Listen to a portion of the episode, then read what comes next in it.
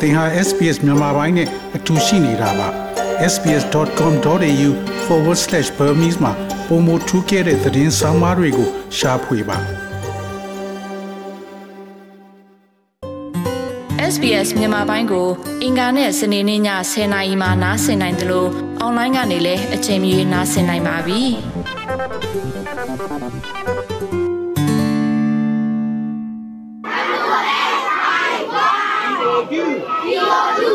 Why do? Why do? Why are you you? Why are you? Why do you? Why do you? စိတ်ရှောင်စခန်းတစ်ခုရဲ့စတင်ခန်းတွေကကလေးငယ်တွေရဲ့စာအန်တန်တွေပါကိုဗစ်ကာလနဲ့စစ်အာဏာသိမ်းကာလနှစ်ခုပေါင်းနှစ်နှစ်ကျော်လောက်ဒီလိုစာတင်ခန်းနဲ့ဝေ့ကွာခဲ့ရတဲ့ကလေးတွေတဲ့ပညာရေးဟာရတဲ့အနေနဲ့ဖြည့်ဆည်းနေရတဲ့အနေအထားကိုရောက်လုံနေပါတယ် ကျွန်းလာမတိုင်ခင်အခုလိုချိန်ဟာအရင်ကဆိုចောင်းသားတွေအတွက်မိဘတွေရဲ့ပြင်ဆင်ချိန်ဆိုလဲမမာပါဘူးအခုချိန်မှာတော့စစ်ကောင်စီလက်အောက်ကျောင်းတွေမှာပညာသင်ကြားဖို့ဆိုတာမိဘတွေအတွက်ဝေခွဲမရဆုံးဖြတ်ရခက်နေတဲ့အနေအထားမှာရှိလို့နေပါတယ်ဒီလိုဝေခွဲရခက်နေတဲ့တဲမှာရန်ကုန်မြို့နေမူလာတန်းအရွယ်သားငယ်တူရဲ့မိခင်ဖြစ်သူမတ်နွယ်နီလည်းပါဝင်ပါတယ် သူ့အပါအဝင်မိဘတွေကြုံတွေ့နေရတဲ့လက်ရှိအခက်အခဲနဲ့ပတ်သက်ပြီးမတ်နွယ်နီကအခုလိုပြောပါတယ်။အဲ့တက်ရမလားမတက်ရမလားမပြောရင်ရင်လိုလေပြင်ဆင်မှုတွေကလေဟိုရင်ဆိုရင်ကြောင်းတက်ရမယ်ဆိုရင်ငါးလပိုင်းလာစမ်းကလေးဟာဟွာဝဲစားဝဲကလေးတွေအင်းကြီးဝဲစားပေါင်းမီဖက်နဲ့အကုန်ဝဲအခုဆိုရင်ဘာမှပြင်ဆင်ပြီးပြင်ဆင်ထားတာမရှိသေးဘူးတချို့ဆိုပြောတယ်ကျောင်းတော့အပ်ထားလိုက်မယ်တဲ့ကျောင်းတော့မတက်ဘူးတဲ့အဲ့လိုတော့ပြောတာ နောက်ပြီးတော့အဲ့ဒီတချို့မိပါတယ်ဆိုရင်သူ့ကလေးကကိုဗစ်ဖြစ်တဲ့အချိန်မှာသူကသူငယ်တန်းတက်ကမှာ KG ပေါ့ KG တက်ရမှာအခုချိန်ကြီးမထားရသေးသူ့ကလေးကအခု2နှစ်3နှစ်ဖြစ်သွားပြီဆိုတော့ရှင်းနှစ်ဖြစ်သွားပြီရှင်းနှစ်မှာကလေးကတည်းမှမရသေးတဲ့အတွက်သူတို့လည်းထားရမလားမထားရမလားလို့မျိုးစဉ်းစားနေရပါဘောနော်အာနာသိန်းစစ်ကောင်စီကစာတင်ကျောင်းတွေမှာကျောင်းအနှံကာလကိုအခုလလာမယ့်26ကနေဇွန်လ1ရက်အထိသတ်မှတ်ထားပါတယ်။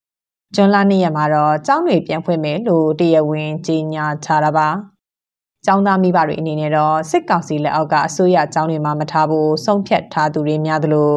အတန်းကျောင်းနဲ့ဝေးကွာတဲ့ကာလပိုကြလာမှာဆိုလို့မနစ်ကမထားခဲ့ပေမဲ့ဒီလာမဲ့ကျောင်းဖွင့်ရသည်မှာထားဖို့ဆုံးဖြတ်ထားသူတွေလည်းတွေ့ရပါတယ်။လက်ရှိအချိန်မှာတော့အမျိုးသားညီညွတ်ရေးအစိုးရ NUG ကဂျားကာလာပညာသင်ကြားရေးအစီအစဉ်ကိုလှုပ်ဆောင်နေပါတယ်။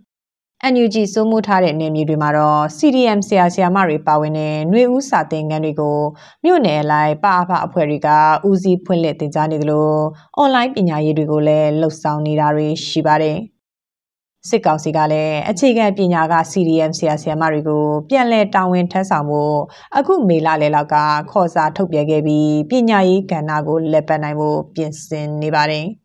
ဒါပေမဲ့ CDM ဆရာဆရာမတွေကတော့ကြားကာလပညာရေးနဲ့ကလေးတွေကိုအတက်ပညာတက်မြောက်မှုအတွက်ဦးစားပေးဖို့ကိုသာလှုံ့ဆော်နေကြတာပါ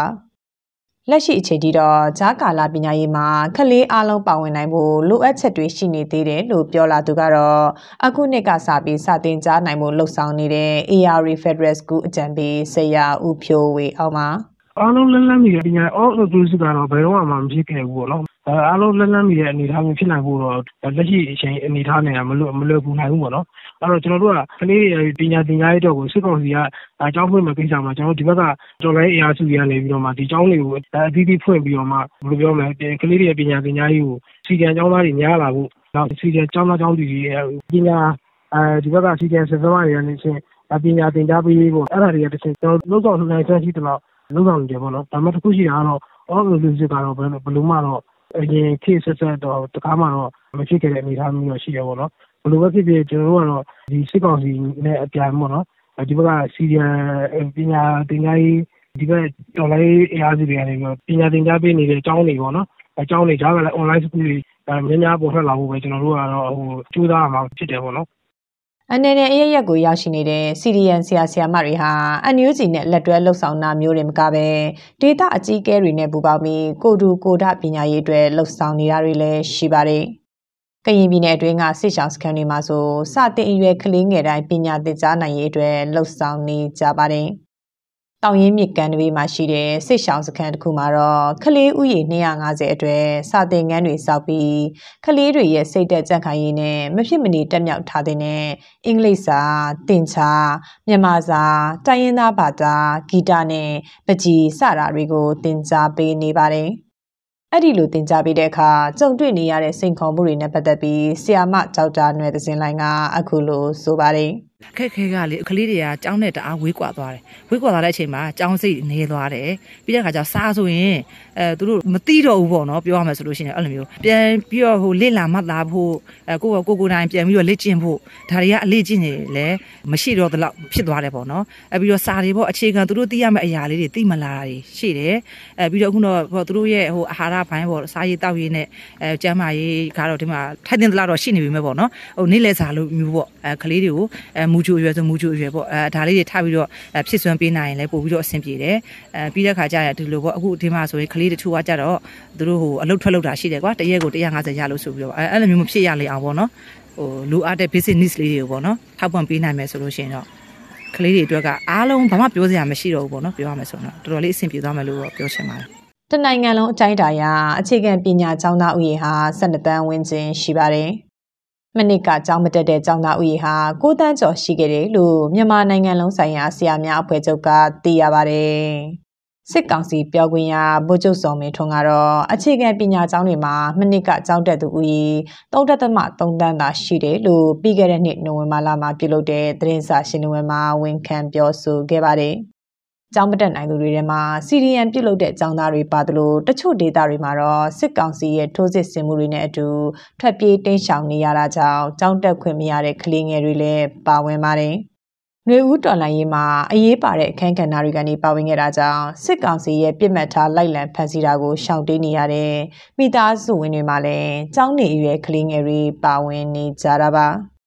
ထိုင်းမြန်မာနယ်စပ်တနေရာမှာတင်ရှောင်နေရပြီးကျောင်းဆတက်ဖို့အရွယ်လွန်နေတဲ့မူလာတန်းအရွယ်သားငယ်ရဲ့မိခင်တူကတော့လက်ရှိကြုံတွေ့နေရတဲ့အခက်အခဲကိုအခုလိုဆိုပါတယ်အခက်ခဲတွေကတော့နေရာဒေသအလိုက်ကတော့အမျိုးမျိုးရှိရယ်ပေါ့နော်အခုဒီဘက်ကိုဟိုတခြား နိုင်ငံရောက်သွားတော့ကျတော့လည်းလိုတာတွေကတော့ကျောင်းတစ်ကျောင်းကနေပြီးတော့သူတို့ကျောင်းမှာရှောက်ဖို့အတွက်ကိုလိုတဲ့အချက်လက်တွေပေါ့နော်အိမ်အောင်စုစရင်တို့ခလေးမွေးစရင်တို့အာမိဘရဲ့အထောက်အထားအပြည့်အစုံရှိရလားဒီနိုင်ငံမှာကိုကကျတော့ဘာပဲပြောပြောခိုးနေတယ်ပေါ့ခိုးနေတယ်ဆိုတော့ကို့မှာကဒီဘက်နိုင်ငံရဲ့အထောက်အထားဘာမှမရှိဘူးပေါ့ပြောရမယ်ဆိုရင်တော့အဲအဲ့ဒီအထောက်အထားတွေတောင်းတယ်ပေါ့အဲတောင်းတယ်ဆိုတော့ကျတော့ကိုမပေးနိုင်တဲ့ အခက်အခဲလေးတွေပေါ့အချက်လက်တွေမရှိတော့ကျတော့ကိုကလေးကိုအကြောင်းဝဲထားမလားမထားဘူးလားအဲ့လိုမျိုးလေးတွေစိတ်လျှော့လိုက်ရတဲ့အခောက်တွေလည်းရှိရပါတော့အော်သူတို့တောင်းတဲ့အချက်လက်တွေကိုမှမပြည့်စုံတာဆိုတော့ကလေးတွေရဲ့ကံတရားပေါ့ကိုကတော့အဲ့လိုမျိုးလေးပဲတွေးလဲပြီးလဲပြီးတော့ကျောင်းမတက်ကဘူးဆိုရင်တော့မှပဲအပြင်ကနေပြီးတော့ကျူရှင်လေးတွေပါလေတယ်အဓိကကတော့ဗာလဲဆိုတော့ကိုတက်နိုင်တဲ့လောက်တော့အိမ်မှာသင်ပေးတယ်မြန်မာစာအဲအင်္ဂလိပ်စာသင်ချာအဲ့လောက်ကလေးတွေကတော့ကိုကလေးကိုကိုသင်ပေးရပါတော့ NUG အနေနဲ့ဂျာကာလာဖက်ဒရယ်ပညာရေးကိုလှုပ်ဆောင်နေရမှာနိုင်ငံအဝန်းကမြို့နယ်တွေမှာလွှတ်တော်ကိုယ်စားလှယ်တွေပြည်သူ့အုပ်ချုပ်ရေးအဖွဲ့တွေနဲ့ CDN ဆရာဆရာမတွေပါဝင်တဲ့ပညာရေးပုတ်အဖွဲ့တွေဖွဲ့စည်းထားတယ်လို့သိရပါတယ်။ online ကနေသင်ကြားခြင်းနဲ့နေမြေတွေမှာသင်ကြားခြင်းဆိုပြီးပုံစံနှမျိုးနဲ့လှုပ်ဆောင်နေတာပါ။ လက်ရှိ online ပညာရေးအတွက်တော့ပြည်တွင်းမှာရှိတဲ့ကလေးတွေအနေနဲ့အင်တာနက် လိုင်းမကောင်းတာဖုန်းပေခက်ခဲဤပညာအခက်ခဲတွေကိုရင်ဆိုင်နေကြရတာပါဒါအပြင်နေအိမ်ဗဟုပြုပညာသင်ကြားရေးမှာလည်းငွေကြေးတက်နိုင်မှုရာလူတိုင်းပါဝင်နိုင်မှုအနေအထားမှာမရှိဖြစ်လို့နေပါတယ်ဒီလိုအခြေအနေတွေကိုဖြေရှင်းဖို့ဆိုရင်ပူးပေါင်းလှုပ်ဆောင်မှုတွေကအရေးကြီးတယ်လို့ NUG ပညာရေးအစီအစဉ်မှာပါဝင်လှုပ်ဆောင်နေသူလည်းဖြစ်တဲ့ပညာရေးကျွမ်းကျင်သူဒေါက်တာဖိုင်ဟိုကဆိုပါတယ်။ ရှိနေတဲ့အနေအထားကနေပိုကောင်းတဲ့အနေအထားတစ်ခုရောက်အောင်ပြည်သူတွေအားလုံးတော့စီရီယံလောက်ထားတဲ့ဆရာဆရာမတွေအဲ့လိုပဲတော့တော်လိုင်းပေါ်မှာကျွန်တော်ဒီဇိုင်းမမယုံကြည်ပြီးရှောက်လာကြတယ်နော်ပြည်သူပြည်သားတွေတွေကနေပြီးတော့ကိုယ့်နိုင်ငံကမွေးတဲ့ကိုယ့်ရင်သွေးတွေအားလုံးကိုနော်ဝိုင်းပြီးတော့သူတို့ရဲ့ပညာရေးအတွက်ကောနော်ပြုစုပေးနိုင်တဲ့နော်လောအားပေးနိုင်တဲ့သူတွေအများကြီးလိုတယ်သူတို့စုပေါင်းပြီးလုပ်ကြတယ်ဒီအားကပိုပြီးကြီးလာမယ်အရွေးရပိုပြီးတော့နော်ခီးရောက်လာမယ်အဟုန်ကလည်းကမိုမန်တန်လည်းတက်လာမယ်ဆိုတော့ဒီကပိုကောင်းတဲ့အခြေအနေပေါ့ဒါကြောင့်ကျွန်တော်က အခုချိန်ဒီကိုတော့လက်ခံလို့ရပါလားဆိုတော့လက်တော့လက်ခံတယ်သို့တော့ကြည်တော့မကျင်တတ်ဘူးအားလည်းအားမရဘူးဘာကြောင့်လဲဒီတဲ့ပို့လို့ဖို့လိုနေတယ်ဆိုတော့ကျွန်တော်တို့လိုလိုသိနေတယ်ဆိုတော့အဲ့ဒီအသည့်အားလုံးကိုတော့ကျွန်တော်ကနိုင်ငံသားတဦးချင်းမှာအဲ့ဒီအသည့်တွေအားလုံးကိုချိတ်ဆက်မယ်အလုပ်တွေအားလုံးပူးပေါင်းရင်ချစ်တည်းရဲ့ပူကောင်းတဲ့အရေးရပြီးနိုင်ငံသားရဲ့ပညာရေးကားကြီးတွေပညာရေးခံစားဝင်တိုးမှာပဲတိုးလာမှာပဲ ကလေးတွေရဲ့ပညာရေးအတွက်အန်ယူဂျီကရော CDM ဆရာဆရာမတွေပါဝင်အဖွဲ့အစည်းတွေကပါလှုပ်ဆောင်နေတာတွေရှိပေမဲ့မြေပြင်မှာကိုတူကိုဒလှုပ်ဆောင်နေရသူတွေတက်တော့အခက်အခဲတွေရင်ဆိုင်နေရစေပါဒါကြောင့်စစ်အာဏာသိမ်းကာလမှာရုန်းကန်နေရတဲ့ကလေးငယ်တွေရဲ့ပညာရေးအတွက်အန်ယူဂျီအနေနဲ့ဒေတာအလိုက်လှုပ်ဆောင်ပေးနိုင်ဖို့လိုသလိုမိဘတွေကပါပူပေါင်းပြီးထိရောက်တဲ့ပညာတရားမှုတွေပေါ်ပေါက်အောင်လှုပ်ဆောင်သင့်တယ်လို့ဒေါက်တာနွယ်သစင်လိုင်းကအကြံပြုပါတယ်။ ကလေးတွေနဲ့တသားတည်းကိုအမြဲတမ်းရှိနေတယ်ဆိုတာကိုကိုယ့်ရဲ့ princess ပေါ့နော်ကိုကသူတို့နဲ့အတူရှိနေတယ်ဆိုတာကို energy အနေနဲ့ပြသနိုင်ဖို့အရင်ရေးကြည့်တယ်အခုနဆိုကြပါစို့ဟို on ground မှာလုပ်နေတဲ့သူတွေဘယ်သူတွေ on ground လုပ်နေတယ်ဘယ်ဒေတာမှာတော့တအားအရင်ခက်ခဲနေတယ်အဲဘယ်ဒေတာကတော့စစ်ဆောင်ကလေးတွေအရင်နေများနေတယ်အဲဘယ်ဒေတာမှာတော့ကိုဘက်ကဟိုဒီဓမ္မဘက်မှာအင်အားတွေများပြီးတော့မှဟုတ်လားကိုရဲ့ဟိုဟိုကြေးရွာတစ်ခုအနေနဲ့ကိုတူကိုထားလုပ်နိုင်ပေမဲ့လို့တချို့နေရာမှာကိုတူကိုထားအဲ့လိုမျိုးမလုပ်ရဲဘဲနဲ့ပုံးဆောင်အသက်အတွက်ကိုပုံးဆောင်ကွက်ဆောင်အဲ့လိုမျိုးနေရတာမျိုးလည်းရှိတယ်ပေါ့အဲ့လိုရှိတဲ့အခါကျရင်ကိုကဒေတာတစ်ခုချင်းစီအလိုက်ကိုချိတ်ဆက်ပြီးတော့မှပေါ့နော်သူတို့အနေထားကိုသိအောင်လုပ်မယ်ငါကလေးတွေကိုဘာပဲပြောပေါ့စစ်ချောင်းစကားမှာရှိတဲ့ကလေးတွေပဲသူတို့ပေးနိုင်တဲ့ဟာလေးအယုတ်တစ်ခုပဲဖြစ်စီပေါ့နော်စားအုပ်တွေတအုပ်ပဲဖြစ်နေပါစေပေါ့နော်ဒါတွေအားလုံးအရောက်ပို့ပေးတဲ့ပေါ့နော်အဲ့တော့ NUG ကတခြားပြည်သူကတခြား NUG ကလည်းဘာလဲ NUG ဆိုတာဘာလဲ NUG ဘာလုပ်နေလဲ NUG ပညာရေးတွေဘာတွေလုပ်နေလဲဆိုတာကိုအဲသိဖို့လိုတယ်ပေါ့ဟို online education နဲ့အဆင်ပြေနေတာ online education online နဲ့ education နဲ့အဆင်မပြေလို့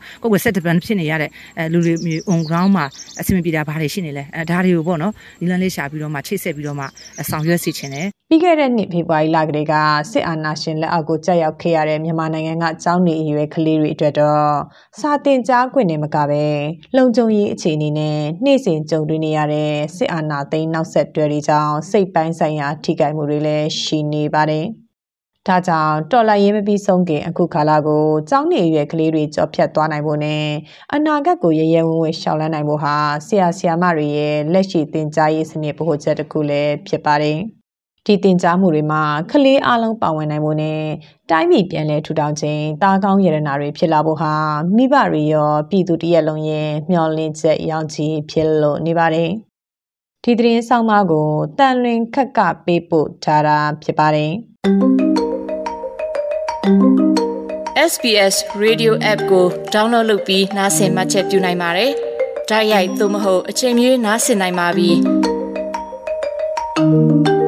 စစ်တမ်းမှာပါဝင်နိုင်သလိုဆက်သွယ်မှုလည်းပြုလုပ်နိုင်ပါတယ်။ Google Play ဒါမှမဟုတ် App Store မှာအခမဲ့ရယူနိုင်ပါပြီ။